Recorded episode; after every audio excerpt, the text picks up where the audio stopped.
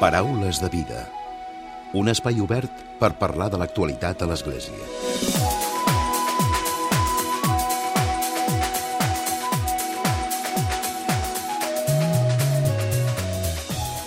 Què tal? Salutacions i benvinguts a un nou Paraules de Vida. L'inici en plena normalitat dels casals i les colònies d'estiu han confirmat que un any més el lleure és el protagonista aquest estiu. Això sí, les activitats de lleure són i seran per força diferents i estan marcades pels protocols higiènico-sanitaris decretats per les autoritats sanitàries. Avui parlem de la Fundació Pere Tarrés i és que justament per resoldre tots els dubtes i per explicar a fons les necessàries adaptacions al nou context originat per la pandèmia de la Covid-19, el moviment de centres d'esplai cristians catalans de la Fundació Pere Tarrés ha decidit publicar Preparem un estiu diferent, un monogràfic de la seva revista Estris. De fet, aquest monogràfic pretén ser una eina útil que ajudi els monitors i monitores a la seva tasca i posi els infants i joves al centre després de setmanes de sotrac emocional i d'incertesa. Avui en parlem i ho fem amb Xavier Nus, és el president del Moviment de Centres d'Esplai Cristians Catalans de la Fundació Pere Tarrés.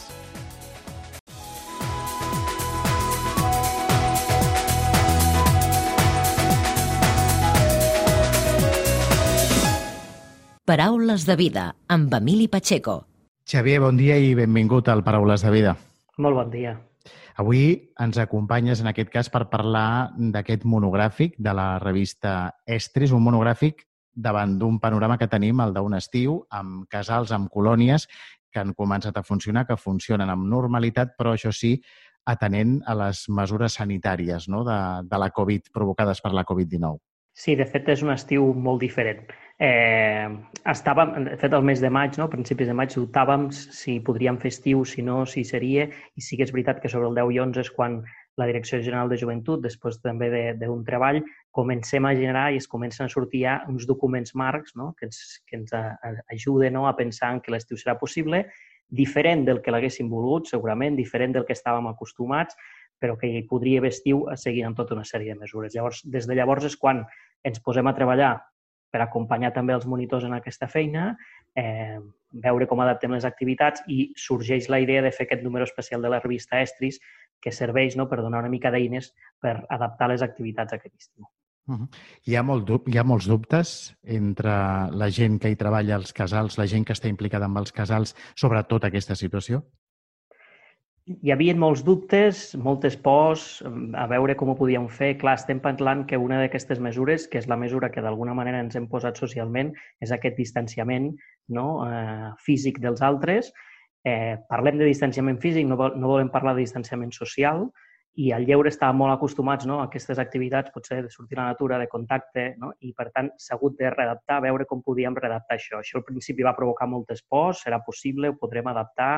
Alguns equips potser de monitors que han decidit aquest estiu a veure com anava i per tant no han, no han realitzat activitats. Això vol dir que alguns potser han decidit, no? alguns infants s'han quedat, quedat a casa i altres llocs que han vist la necessitat no? de poder inclús fer activitats més petites, no fer activitats tan grans. Aquells, aquells, colònies que marxaven 150 potser han sigut 60 o 70 també per adaptar-se a les instal·lacions i anar treballant, van, han sigut dos mesos durs no? per, per arribar a l'estiu i, poder, i poder marxar de colònies. Clar, sí. En aquest monogràfic el que feu és plantejar activitats que estiguin adaptades no? a aquests protocols sanitaris. Sí, el monogràfic té com a tres parts. Una primera part que sí que posem una mica la reflexió de la importància també de, de fer lleure aquest estiu, un lleure que s'ha diferent, però que és important també per a aquests infants que han estat eh, 3-4 mesos tancats a casa i, per tant, en molts casos és la primera vegada que tenen contacte no, amb altres infants com ells. Una primera part més de reflexió i, per tant, amb articles al voltant d'això. Eh, tenim una segona part del monogràfic que aquí sí que hi ha tot un recull d'activitats ja adaptades amb les noves mesures, no? aquestes mesures de distanciament físic, no? com quines, quin tipologia eh, d'activitats fem per mantenir aquest distanciament, tindre cura també de tot el tema del material, evitar material compartit i si, i si n'hi ha desinfectar entre un grup i l'altre i, per tant, són activitats com les que haguéssim fet sempre però adaptades a aquestes mesures. I una tercera part que sí que ja són un seguit de consells i instruccions pràctiques de doncs, com organitzarem els, els àpats, com organitzarem les estones lliures a, a les colònies, com podem, eh, què hem de tindre en compte per anar d'excursió, no? i una sèrie de recomanacions que ens poden servir ja en l'organitzativa més d'aquestes activitats.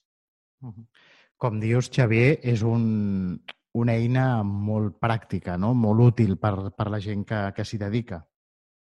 Sí, al, al final la intenció també era, més enllà d'aquesta part més reflexiva i que, que hem de posar el punt amb, amb que aquest estiu també és diferent, donar tota una sèrie d'eines pràctiques no? a activitats que es puguin aplicar directament a, a, les colònies, als casals o als campaments i també de mesures no? més organitzativament que també puguin ajudar a, a organitzar les activitats. Uh -huh. Els casals, les colònies ja fa dies que funcionen. No sé quins són els inputs que esteu tenint davant d'aquesta situació, de com tant els infants com també l'equip de monitors, com ho estan portant? Eh, sí, de fet, els primers van començar just quasi després d'aquella setmana de Sant Joan els primers, els primers casals, les colònies van tardar una mica més, ja va ser entrat al, ha entrat el juliol, hi ha gent que ha anat de colònies, els, els, el, sobretot els primers dies no? d'aquestes activitats on els infants retornaven i en molts casos com veien aquell amic que feia temps que no veien en, en persona, no? l'alegria no? i eh, aquests infants al poder recuperar una, també una certa, una certa normalitat dins de totes aquestes, dins de totes aquestes mesures. I els monitors, amb, amb molta responsabilitat no? i sabent conscients del que fan, a, a, adaptant-se no, dia a dia a les situacions que, a les situacions que hi van, van sorgint, atenent a les famílies, no? Al final, les activitats que han acabat, la valoració també també és positiva i, i com no, eh, amb una mica de por de com va avançant la situació, un estiu que, que sí que iniciàvem no? i que potser esperàvem que fos una mica més tranquil, però que, que en algunes zones ha dificultat també la realització d'aquestes activitats. No? Per exemple, el confinament del Segrià va, va impedir no? que alguns infants poguessin sortir de colònies i anar del que estaven previst, han, han acabat adaptant l'activitat i ho han hagut de fer no? quedant-se més a prop del, a la seva ciutat. Uh -huh. Això també ha suposat una, un, una inversió econòmica no? per part de la Fundació en el sentit d'adaptar aquestes mesures de, sanitàries, com passa a molts llocs, no? ja siguin negocis o ja sigui a nivell més d'administració, s'hi ha hagut de fer un esforç. Sí, clar, al final les activitats, el que dèiem, eh? eh grups, més, grups més reduïts, no? potser no omplim tant les instal·lacions com, com s'estava, com, com era altres, altres estius, i després tot un tema d'aquest material higiènic, no? reforçar tot el rentat de mans, reforçar també les desinfeccions dels espais que s'han fet servir, eh, tindre tota una sèrie de coses, no? per exemple, el termòmetre per la presa de temperatura diària. Sí que és veritat que és de la Fundació eh, es van recollir tota una sèrie de donatius i, i es van rebre eh, donatius en aquest sentit, tant de material com econòmics que han permès no? eh, dotar també les activitats de part d'aquest material higiènic que era necessari. No? Per exemple, els centres d'esplai del MESEC federats al, eh, federats vinculats a la Fundació Pere Tarrés, se'ls va fer entrega no, d'uns kits de gel hidroalcohòlic i del termòmetre per ajudar també a que poguessin realitzar aquestes activitats. Mm -hmm. Xavier, a banda d'aquestes tres parts que ens has explicat d'aquest monogràfic de la revista Estris, també recolliu opinions d'experts de, en la matèria, no? Sí, al, al, al final, sobretot més en aquesta primera part, no? El, hem buscat també persones que ens poguessin donar algunes, algunes indicacions amb la importància, no? posant aquest focus també, també en el lleure. Això és una, eh, i s'ha resumit en aquest monogràfic, però també fa dies ja que a la revista Estris van penjar també alguns articles, alguns articles relacionats i també des de la Fundació i des del, des del MESEC s'han anat penjant, s'ha fet una pàgina específica on s'han anat penjant també recursos no? també per ajudar amb totes aquestes activitats que s'estaven organitzant. Uh -huh i, a més a més, importants. I parlem de, de situació també, de situacions que són complicades pels infants, per les seves famílies, famílies vulnerables, que amb tota aquesta situació de crisi sanitària, una crisi que, de, de fet, ha esdevingut, eh, ha derivat en una crisi econòmica, social, i que potser ara estem al principi no? de, de tota aquesta crisi, això també pot afectar aquests infants d'una manera o altra, no? Sí, de fet, eh, sempre diem eh, cada estiu i quan això, que l'estiu és molt important per, per als infants, aquest estiu encara posàvem l'èmfasi, creu més, i segurament per algunes, algunes situacions familiars que també havien canviat, no? gent que han estat acomiadats potser de la seva feina o que estaven a i que feia potser més complicat accedir a aquestes, a aquestes activitats de lleure. D'aquí que, com cada any, no? la Fundació, a través de la campanya que té d'ajuda als a créixer, que, que recull diners de donatius particulars d'entitats i també de, a través del, de l'administració, eh, s'ha fet l'esforç no, de continuar donant aquestes beques perquè infants i joves poguessin, poguessin participar a les activitats. Estem, eh, sí que és veritat que aquest estiu ha costat més no? que la gent s'inscrivís a les activitats, algunes coses han anat més a l'última hora i anirem fent balanç també de, també de com ha anat. També és veritat que celebràvem no, que la Generalitat a més hagués augmentat la partida de beques. Finalment, ara a meitats de juliol ja es va publicar i hi ha l'opció també que aquelles famílies que no s'hagin pogut acollir a altres beques fins ara ho puguin fer també amb aquestes beques, del, aquestes beques de la Generalitat. -huh. Xavier, per acabar, les famílies tenien por al principi de l'estiu quan es plantejaven els temes, el tema de, de la presència dels infants als casals i a les colònies tenien por de, de dur, de portar els eh, infants a, als casals? Jo crec que era una por una mica generalitzada en, en, en socialment. Eh? Portàvem molts mesos a casa amb, amb molt males notícies que, que, hem anat, que hem anat sentint dia a dia i això feia pensar com podríem adaptar aquestes activitats. Des d'un primer moment, eh, ja dic que tots els centres d'esplai i la Fundació es va estar treballant per fer aquestes activitats segures, eh, per a, a complir totes les mesures que estaven perquè fossin les més segures possibles aquestes activitats. Això ha fet no, que aquelles famílies potser que estaven vinculades amb un centre d'esplai i que ja coneixien els monitors ha sigut més fàcil no? el vèncer potser aquesta por inicial de participar a les activitats i en altres que no estaven tan vinculats han tingut més dubtes, han preguntat i se'ls ha pogut explicar totes aquestes mesures per veure no, que aquestes activitats han sigut segures. De totes maneres, sí que és veritat que segurament aquest estiu no serà tampoc, tot i que dèiem eh, que era molt important, no arribarem al, als, als nombre potser d'infants que, que com altres anys hauran participat en les activitats i en part també per aquestes pors de, de famílies i potser d'alguns equips de monitors.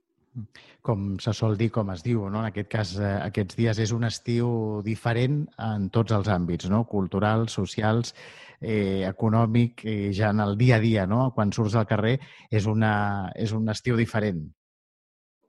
E-, és un estiu diferent, ho dèiem al principi. Eh? El, estem fent un lleure que potser no estàvem acostumats, però crec que, que ho veiem també com una possibilitat educativa per a aquests infants. Aquestes activitats de lleure sempre han sigut educatives i, i aquest any prenent un valor, posàvem el focus no? en, en aquesta part d'aquesta nova normalitat o aquests nous hàbits socials que ens hem, que ens hem posat eh, entre tots. No? Com aprenem a relacionar-nos amb els altres amb aquest distanciament físic, sense que sigui social, com acompanyem aquells infants també emocionalment que potser han tingut pèrdues aquest temps i com adquireixen aquests nous hàbits no, de rentat de mans freqüent no, i de relacionar-se amb els altres d'una altra manera. I això era una oportunitat també per, per aquestes activitats. Xavi, per acabar, parlem de la revista Estris. És una revista que té més de 40 anys d'història i que és un referent no, en el món de, del lleure. Sí, de fet, ja estem... L'any que ve seran els, els, ja farem, arribarem als 50 anys de, ah. de, de la revista, per tant, estem ja quasi als 50 anys.